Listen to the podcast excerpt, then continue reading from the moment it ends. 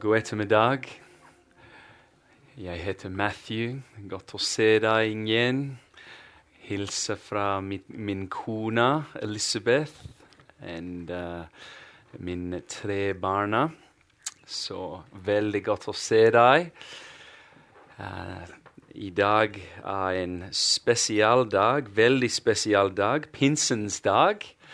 Så come Holy Spirit, come Hellig Ånd. And uh, jeg vil uh, preke på engelsk i dag. Uh, min norsk uh, is in progress. Uh, min norsk voksne og voksne. Så uh, jeg, jeg, vil ikke preke i dårlig norsk i dag. so for your sake, I will speak English today. So otherwise, you might have a nightmare tonight. So, uh, thank you, uh, worship team. That was a beautiful time, and uh, I can feel God's presence in this place today.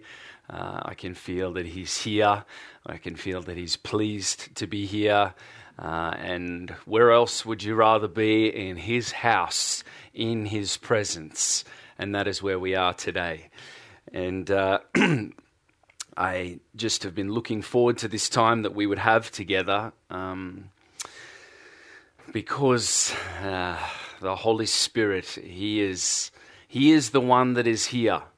Uh, the Father and the Son, they are, they are in heaven, but the Holy Spirit, He is the one that is here with us. And uh, we get to celebrate Him today. We get to honor Him today. We get to put all our attention on Him today.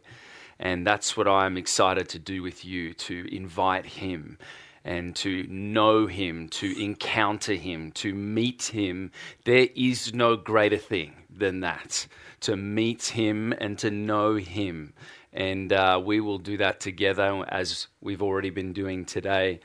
And so, as we celebrate this very special day, uh, why don't you turn in your Bible to uh, Acts 19, Acts of the Apostles 19. And uh, I'm, I'm sorry to say that there is no clock in this room, which really tells me I'm, I could just go on for three hours today. And uh, just kidding, just kidding. You know, in Australia, we, we feel uncomfortable if we have not made a joke within 10 minutes. Uh, we, we get uncomfortable with that. Someone needs to make a joke. You know, someone needs to laugh. That's, that's my culture a little bit. So just so you know, I think it's good to laugh. Anyone agree? Amen. I knew you would say amen, Eileen. I knew you would say amen. We, we, are, we are same heart. Yeah, same heart. So, Acts 19, we're going to read verses 1 to 7 together of Acts 19. That's better. While, uh, while Apollos was in Corinth, Paul went through the inland regions and came to Ephesus. He found some disciples there and said to them, Did you receive the Holy Spirit when you believed? They replied, No. We have not even heard that there is a Holy Spirit. So Paul said, Into what then were you baptized? Into John's baptism, they replied. Paul said, John baptized with a baptism of repentance, telling the people to believe in the one who was to come after him, that is, in Jesus. When they heard this, they were baptized in the name of the Lord Jesus. And when Paul placed his hands on them, the Holy Spirit came upon them, and they began to speak in tongues and to prophesy. Now there were about 12 men in all. We'll stop there. I want to focus today on verse 2. Paul decides to ask this question. Let's read it again together. After he found the disciples, some disciples, he decides to ask in verse 2 did you receive the Holy Spirit when you believed? That is the title of what I want to talk to you about today. Did you receive the Holy Spirit when you believed? Did you receive the Holy Spirit when you believed? Scholars uh, and commentators are a little bit divided about whether these 12 men that are referred to as disciples are believers in Jesus or not. There is a little bit of difference of opinion.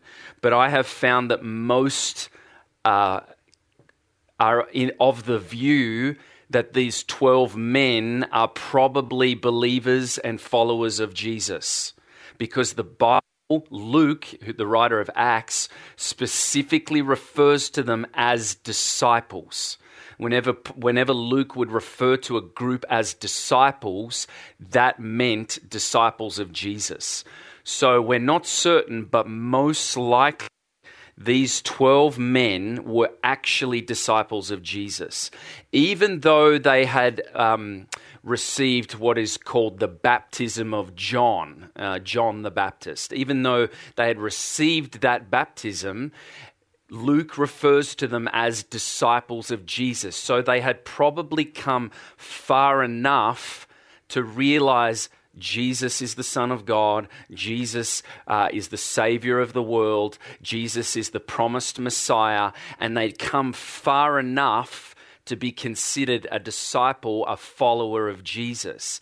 So I think we it's it's um, more likely that they these guys are what we would call Christians. However, they had not come so far as to have an understanding as to who the Holy Spirit is, the promise of the Father. Uh, they knew enough to be saved as they were called disciples, but they didn't know much about all Jesus had done, has done for us, especially in his promise to send the Holy Spirit when he went to heaven. So I'm going to assume that these people, these 12, are followers of Jesus. And Paul finds it appropriate to say to these 12, did you receive the Holy Spirit when you believed? Did you receive the Holy Spirit when you believed? Why would Paul ask that? he, we actually don't have a record of him asking that anywhere else, but he finds it appropriate and um, he felt it was necessary to ask them Did you re- receive the Holy Spirit when you believed? I think he saw that their experience in Christ was lacking something. I think he witnessed a deficiency in their life, a lack in their life. There was the absence of something, or better said, the absence of someone he saw maybe maybe it was a lack of the life of the spirit. Maybe it was a lack of love. Maybe maybe they were not glowing with the joy of the holy spirit. Maybe they were not um, you know maybe they were just not full of boldness and courage uh, in in their walk with the lord. Whatever it was he saw he he saw that they were lacking something he saw that they were deficient in an area, in some area of their life. And whatever it was that Paul noticed, he suspected that their lack or their deficiency was due to the absence of the Holy Spirit. He suspected that what they were lacking was the Holy Spirit. You see, friends, I believe it's one thing to be filled with the Holy Spirit but it's quite another thing to be overflowing with the Spirit. Let me say that again. It is one thing to be filled with the Spirit, it's another thing to be overflowing with the Spirit. Now, I am a firm believer that when we follow Jesus, when we make a decision to follow Jesus, the Holy Spirit comes to dwell inside of us. That is Bible 101. That is Romans over and over again. And so when we receive Christ, the Holy Spirit comes to dwell inside of us. That is for sure. but we see all through Acts an experience of the Holy Spirit that is like a mighty rushing wind, like a great wind uh, we see an, ex- uh, an experience of the Holy Spirit that is like tongues of fire. Acts chapter 2. We see, in a holy, uh, we see an experience of the Holy Spirit, we just read it a moment ago, where they speak in other tongues and they prophesy. And so I say it again it is one thing to have the Holy Spirit having sealed your salvation inside, but I believe it's another thing to be overflowing in the Holy Spirit. That is something different. And my point to today is not to uh, enter into theological analysis and debate. That is not what I want to do today. We could easily go there, and I don't want to have theological uh, study and analysis. What I want to do is to invite you and I today to examine our own heart and life examine don't don't look at the theology examine your own heart and life today and ask yourself this question have you received the Holy Spirit when you believed? Have you received the Holy Spirit? Another way I could ask you is Are you overflowing with the Holy Spirit? He is the promise of the Father. Jesus said, It's better that I go because then the paraclete in Greek, the, the promise of the Father, the Holy Spirit, will come. He is not the lesser member of the Trinity.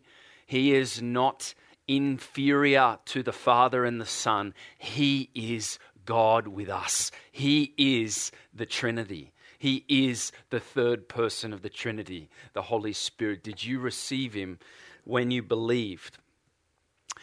Are you overflowing with him? You see, in John chapter 7, Jesus, when he was, when he was um, speaking to a large crowd, he stood up on the very important day and he cried out to the multitude, If any man thirst, let him come to me and drink. And he that drinks of the water that I give, as the scripture says, out of his innermost being, out of his inner man, out of in here, will flow rivers of living water. So he says that when you come to him and drink, out of you will flow rivers of living water. So when you come and drink, what is supposed to happen, what will happen if you do truly come and drink, is out of you will flow the Holy Spirit like a river. Have you received the Holy Spirit? Well, one thing that will tell you or another if you've received the Holy Spirit is that out of you will flow the Holy Spirit like a river. And that is not like a gentle river. Have any of you been to Niagara Falls in uh, in uh, Canada? I have. It is it is like a hurricane of water, and uh, this is when Jesus says that the the the Holy Spirit will flow out of you. It's it's not a nice trickle in the forests of the Tønsberg Communa. It is like Niagara Falls. It is the language speaks of a powerful rush of water. Out of our innermost being, out of us, should flow rivers of living water. The question really is not do you have the the question is more than is the Holy Spirit inside of you? That is a good question. That is a, a great question to ask. Is the Holy Spirit dwelling inside of you? For, for most of us here today, that would be true. But I would like to ask the question again Do you have the Holy Spirit flowing out of your life? Is, is the Holy Spirit flowing out of our lives? Is it flowing out of our lives like a powerful river? Is it flowing out of our lives like a powerful river? You see, you can pour water, you can take a glass of water. In Australia, we say the word water very, very badly. We, we say water, water. Americans pronounce it much better water. Um, English, they say it the best water, water, so we can say the English way today. Water, I will try and say it the English way, not uh, water, water. In Australia, we say water. Water, if you take a glass of water, you can fill it to the top and it is full. But it's another thing to just keep on pouring until it keeps overflowing. That is something else. It can be full, or even before that, water can be present in that glass. There can be water present in that glass. That glass can be full of beautiful Norwegian water. You guys have the best water in the world, I think. You can have a glass full of beautiful Norwegian water, but it's another thing to just keep on pouring until that glass is overflowing. Out of your innermost being will flow rivers of living water. Are we overflowing? Are we, are we overflowing with the Spirit of God? When people look at our lives, do, do they see that? I think we are best to answer the question ourselves, but I would also say when others look at our lives, do they see the Holy Spirit flowing out like rivers of living water? God always wants us to go deeper.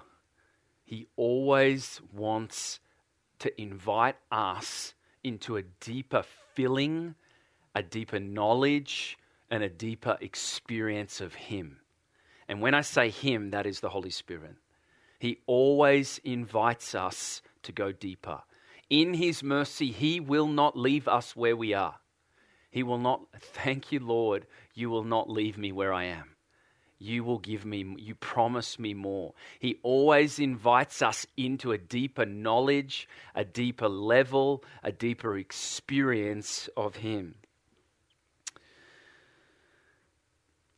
We tend to just sip when we could actually when we could actually drink deeply. We drink deeply where we actually could probably step in, or in English we say wade in, where we could actually walk in. We tend to walk in where we could actually dive in. And we dive in where we could actually most likely be fully immersed. Let me say it again. We tend to sip where we could actually drink deeply. We could drink deeply where we could actually enter in or wade in. We wade in or enter in where we could actually dive in. There is an invitation for us always to go deeper. That invitation never goes away. The Father says, Come. Jesus says, Come. The Holy Spirit says, Come. Go deeper. Go deeper, experience more, know me more, receive more. Most of us need to be encouraged to go deeper and further into the things of the Holy Spirit. To go where actually it might make you even a little uncomfortable. To go where maybe it might even offend your mind a little bit. It may even offend some people around you. Some of us, if we're honest, we're actually a little bit afraid to go deeper. If we're honest. I know that because I've been pastoring people for over 10 years. I'm not an expert, but I've seen enough. Sometimes we are actually afraid. Sometimes we don't enter in because we do not know what will happen. Sometimes we're a little bit scared. Sometimes we don't know what it's going to look like. Sometimes we're afraid of what someone might think, what that family member might think, what my neighbors might think, what my work colleagues think. And there we have our ceiling. Fear. What will others think? What will happen to me? What will I be considered a, a crazy person? will I be considered a strange Christian? that you see, the devil maybe doesn't need to send a storm to us. He just needs to get us so caught up in what other people think. He, w- he doesn't need to send a disease. He doesn't need to send a financial crisis. He doesn't need to send a bankruptcy. If he can just get us so under the ceiling of what others think about us, he's done his job if he can get us just walking in perpetual fear, even fearful of what might happen if I really pursue the Lord for more, if he can keep us in fear, even in that, he's, he's content, he's happy. And so the invitation from the Holy but the invitation from the Holy Spirit, the invitation from the Lord today is would you like to go deeper? Would you like to know more? Would you like to experience more? Would you like a river to flow out of you instead of just a little stream? Would you like a river to flow out of you instead of just a glass of water? And he says it to me too. He says it to us all. Would you like a river to flow out of you? Would you like a rush of water to flow out of you that even when you're not even trying to minister to others, I am touching them?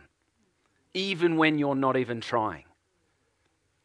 I read a story as I was preparing for today. I read a story about a man by the name of Smith Wigglesworth. Many of you would know that man, one of the most one of the greatest preachers in the last you know two centuries we have seen impacted the whole world whole global body of christ.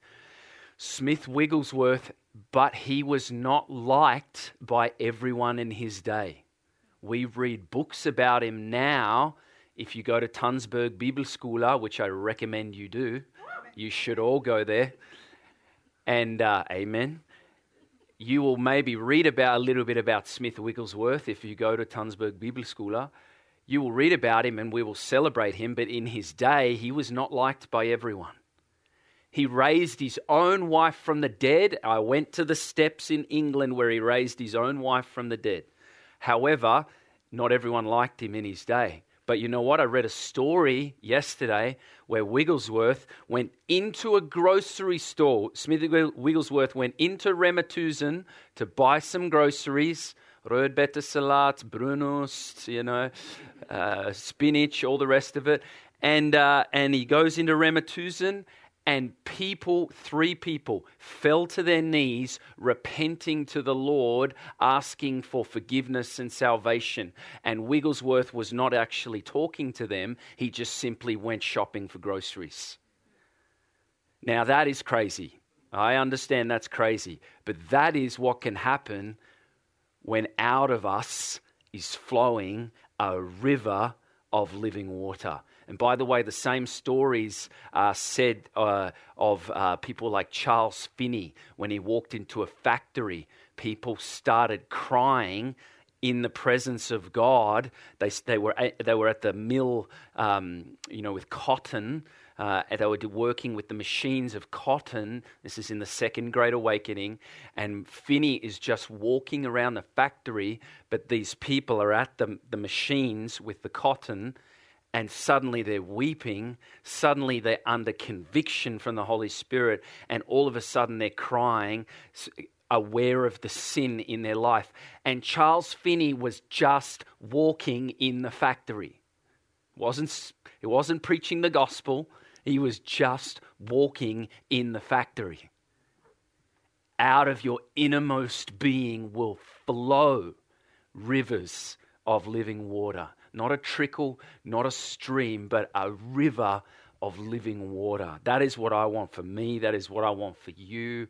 That is what I want for the body of Christ in Norway. Amen. My own, uh, we're going to close soon, but my own testimony uh, quickly as we come to a close is in Toronto. I went there as an 18 year old. I loved Jesus. I had surrendered my life to Jesus, but my pastor invited me to come with him to Toronto, the church there where there was an outpouring of the Holy Spirit happening. and I was in a workshop um, and uh, like a youth w- workshop and uh, and the, at the end of the meeting, the Holy Spirit was there in the meeting, and I felt Him say to me, "Wait until that man prays for you." Wait until that man, his name was Duncan, prays for you. So I waited and waited and waited because many people wanted to talk to him. And so I waited and waited and waited until finally I think I was about, I got a little bit impatient and then I decided I will just leave now. Maybe I didn't hear correctly. But as I was leaving, he, he put his hand on me and said, I just said to him, Thank you for today. And he put his hand on me and he just spoke a short prophetic word over me. And suddenly I started to feel the Holy Spirit. And I think he recognized it too. And then he started to pray for me. And all of a sudden, I, I can't describe to you what happened. It, it, I don't actually have good words for it, other than it felt like a mighty rushing wind on the inside of me. Not on the outside, but on the inside. It felt like a mighty rushing wind. And suddenly I'm crying. Suddenly I'm finding it a little bit hard to stand up. And suddenly I can feel the presence of a infinite God touching this finite human. I could feel him touching me, and suddenly I'm on the ground weeping. I think I got delivered of a few demons. Thank you, Jesus. And uh, and then I think, and then I'm weeping on the ground, and God starts to talk to me. And for an hour and a half, God is touching me. In English, I would say blasting me, and uh, like with a fire hose, and uh, that's what it felt like and I'm on the ground for about an hour and a half, and I've just cried and cried.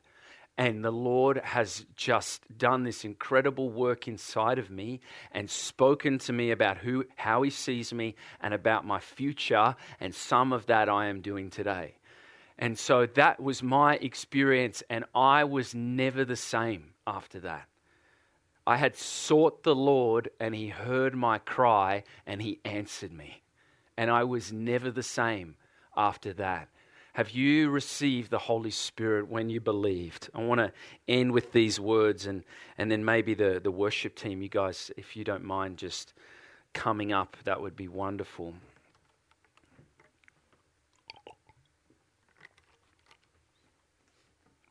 There, uh, there was a great revivalist, um, sorry, there was a great revival in the nation of Wales and the young man that God used to really spark that revival was a man by the name of Evan Roberts, who was about 25 or something years old, like 24 years old. And God used him to spark a revival that literally touched the whole of Wales. Evan Roberts would cry out to God as a young man, as a teenager, and he would cry out to the Lord for a deeper experience of the Holy Spirit. We know this because we can read his journals. And he would cry out to the Lord seeking for a deeper experience. He would he sensed that there was more for him to experience and he sensed that the Lord was going to touch his nation. And it turns out some years later that the Lord began to encounter him in the night. Over a period of three months, it was literally like the presence of the Lord would come into his room and literally the Spirit of God would speak to him night after night after night for three months. And he says in his journal, he says, my very being seemed to change. In other words, his inner man, the inner him, which is the real him, that's the real us in here, his very nature seemed to change, is what he says. And some, and then God said to him, "I'm going to move in the whole nation of Wales, and there's going to be a great revival." And that revival touched William Seymour in Los Angeles, which in 1904 became the Azusa Street Revival, which we now trace our Pentecostal uh, Christian roots back to that moment in 1904. But Evan Roberts, on he said this in um, in a letter to uh, people as his life is coming to an end. He said this, "Dear friend, God loves you. Therefore, seek Him diligently. Pray to Him earnestly. Read His Word constantly." Yours in the gospel, Evan Roberts. Let me say it again. Dear friend, God loves you. Therefore, seek him diligently. Pray to him earnestly. Read his word constantly. Yours in the gospel, Evan Roberts. I love that. Seek him diligently. Pray to him earnestly. Re- that's like with passion, that means. Pray to Him with passion. Read His Word constantly. Yours in the Gospel, Evan Roberts. There's good news for all of us. God wants to take us deeper. Did you receive the Holy Spirit when you believed? If you're not sure, I have good news for you. He's waiting for you. You think you're waiting for Him? Oh no, He's waiting for you. He's stretch you think you're stretching your hand out to him, he's actually stretching his hand out to you. He's inviting you. Come, come in deeper. Seek me diligently. Seek me and you will find me. Go in deeper, and then out of your innermost being will flow rivers of living water. Would you just stand where you are as we close?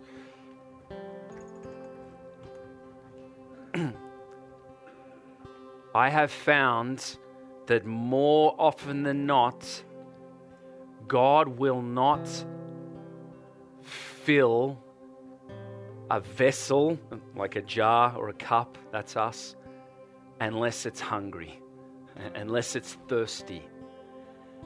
I think He waits for us to thirst and then He fills. Not always, but my experience is many times that's the case. Not always, but many times. He waits for the thirst before He fills. He waits for the glass to be put in front of Him, saying, Fill me, fill me, and then He fills. In other words, Jesus said, if you, being evil, know how to give good gifts to your children, how much more will the Father give the Holy Spirit to those who ask Him? Have you asked Him for more? Have you asked to be filled? Have you asked to be overflowing? Have you, have you asked to be an overflowing cup? Have you asked for more? I want to say to you today go deeper. Have you received the Holy Spirit? Are you just, is, is He just there or are you overflowing? And I want to, today, as we close with a worship song, I actually want to encourage some of you to actually come down the front and to seek God. Today, I would encourage you to break up your routines in life. I sometimes have to do this. We break up our routines, we break up our normal and say, God, I'm pursuing something greater. And so I want to encourage you, if you want to and you feel led to, to come down the front and actually say, God, I'm seeking you for more. And so as we close with a worship song, I would encourage you to come down the front if you, if you feel led and to seek the Lord diligently, to cry out to Him, to pray to Him and say, God, I don't want to just be a full cup, I want to be overflowing. And so, Father, I, I thank you that you promise to give the Holy Spirit to those that ask, and that you promise that if we're thirsty, out of our innermost being will flow rivers of living water. I thank you that you promised that. I thank you that that is available to all, to all of us. And so, Holy Spirit, I ask that you would come and fill us today. Would you fill our cup to overflowing? We are thankful and yet we are not satisfied. Would you fill our cup to overflowing? We seek you. We want to know you more. We want to be overflowing in your name, Jesus. Bless you.